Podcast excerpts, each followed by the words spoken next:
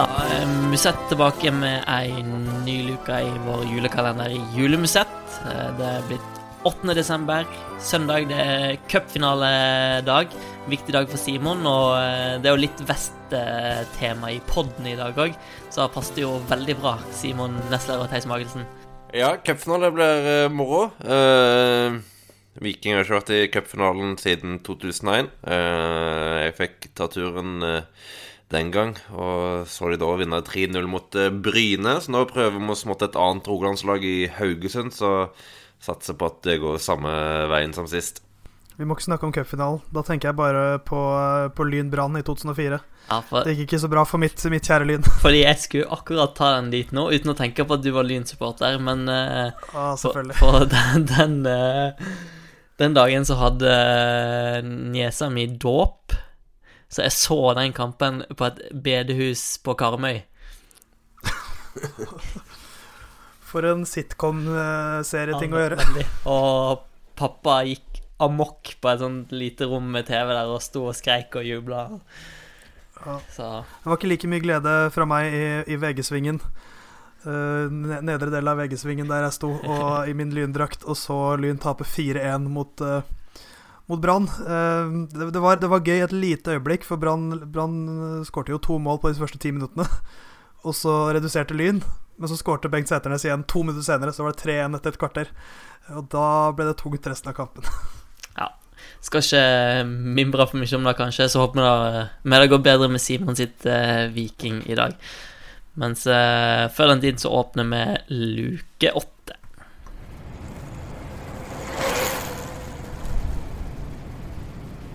I luke åtte så finner vi òg en mann som er interessert i eh, fotball. Eh, så vidt jeg husker, så er vel favorittlaget hans eh, Real Madrid. I hvert fall sånn i, utlandet, for å si det på den måten.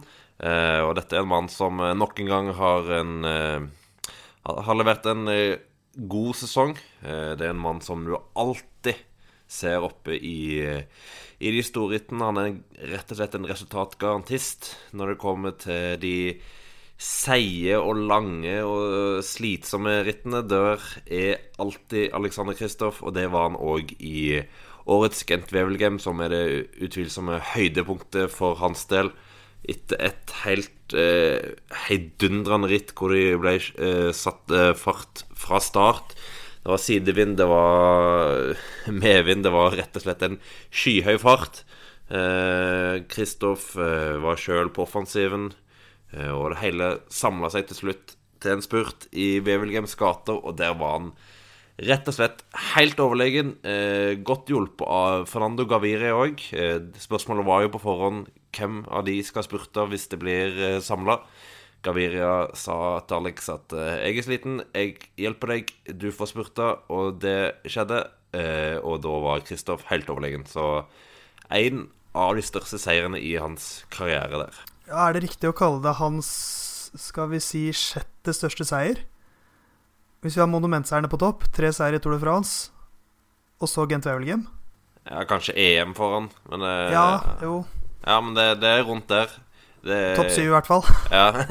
Jeg vil, vil nok si at det henger høyere enn ja, en uh, å vinne i Frankfurt eller i Hamburg eller i London eller i, i Britannia, så en eh, meget eh, viktig seier for han. Og veldig viktig i den, i den grad at eh, At han i større større grad nå og de neste årene vil være en klassikerrytter mer enn en spurter, og da og da klare å levere på den måten er jo alltid godt å ta med seg de neste årene òg. Ja, bare den, den uka der som startet med Gent Wevelgem, det, det gjør jo at Kristoff kan senke skuldrene resten av sesongen, hvor han først vinner, vinner Gent Wevelgem på, eh, som du sier, Simon, sånn klassisk, gammelt slitevis. Deilig at han fikk en sånn, sånn type karakteristisk Kristoff-seier igjen i et stort ritt. Eh, Så blir han nummer tolv i, i Dvar står eh, Flanderen. Eh, Der vinner han ikke spurten i, i det man kan kalle et felt, men der spurte ikke om seieren heller, så det var ikke så nøye. Men så kommer jo Flandern rundt, eh, et ritt han alltid eh, nesten alltid er med i toppen, og her blir han jo nummer tre. Eh, vinner spurten på deilig vis eh, i, i feltet. Blir nummer tre da brak eh, Betty Joll og, og Kasper Askren. Uh, og det er også et, et av mine øyeblikk i Kristoff sin sesong, er den lille spurtduellen mot Mathieu van der Poel, som blir nummer fire. Hvor Kristoff uh, bare skubber han til side. Uh, 'Ikke prøv det her, lille unge gutt. Eh, her er det jeg som er sjef.' Og så tar han tredjeplassen foran van der Poel. Det syns jeg var et deilig øyeblikk, det òg. Generelt den uka der med Gent Wevelgem og Flanen var sånn deilig bekreftelse på at han fremdeles har et veldig høyt nivå i klassikeren og fremdeles er kapabel til å vinne der. Uh, seieren hans i Flandern var jo i 2015, begynner å bli en stund siden. Han er blitt 32 år. Uh, men uh, fremdeles kapabel til veldig store resultater og tar vel sju seire gjennom sesongen, så på ingen som helst måte avskrevet.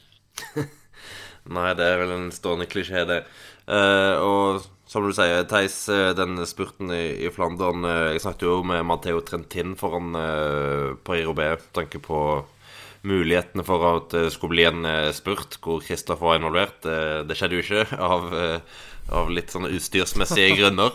Men eh, Trentin sa jo da at eh, de to spurtene han hadde levert, altså da i Wevelgem og i eh, Flandern rundt, var to av de beste spurtene han hadde sett uh, i hele tatt de siste par åra. Så veldig, veldig høyt nivå på det han uh, gjorde der. Så blir det en liten sånn, hva skal man si, dupp med Paris-Roubais, som blir et litt antiklimaks som avslutter en veldig god vårsesong, en av hans aller beste. Så blir det jo da seiersrekka som brytes i Ersborn Frankfurt, der han blir nummer tre. Uh, men så er jo egentlig innledningen mot Tour de France ganske bra, med uh, rett og slett sammenlagt seier i Tour of Norway. Det skal vi ikke glemme, det heller. Med, med etappeseier og veldig jevn kjøring. Vinner en GP du kan tå like etter. og så blir det som det ofte blir i NM, at proffen, de største profilene settes litt ut av det.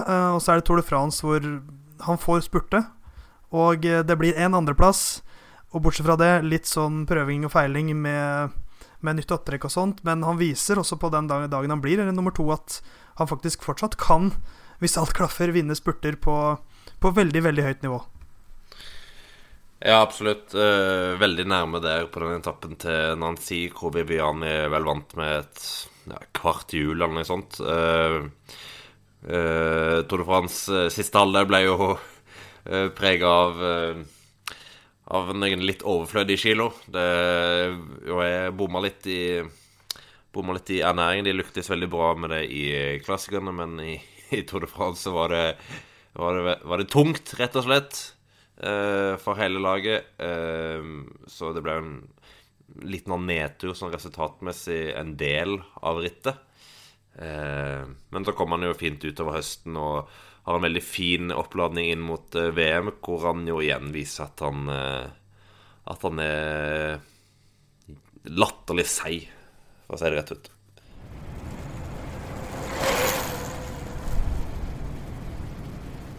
Da var luke åtte åpna, og den 17. beste mannlige rytteren i 2019 er altså norsk Alexander Kristoff. Eh, hvis du vil eh, engasjere deg litt med lister, så kan du òg være med i vår konkurranse. Hvis du deler din topp tre-liste av herre- og kvinneryttere i 2019 med oss, enten via Facebook, Twitter eller e-post. Post at procycling.no er adressa der. Så kan du være med i trekningen av ei Buior-Racer Tempest korterma sykkeltrøye til veiledende pris av 1600 kroner. Så delta i vår superenkle konkurranse, og så er vi straks tilbake med ei ny luke.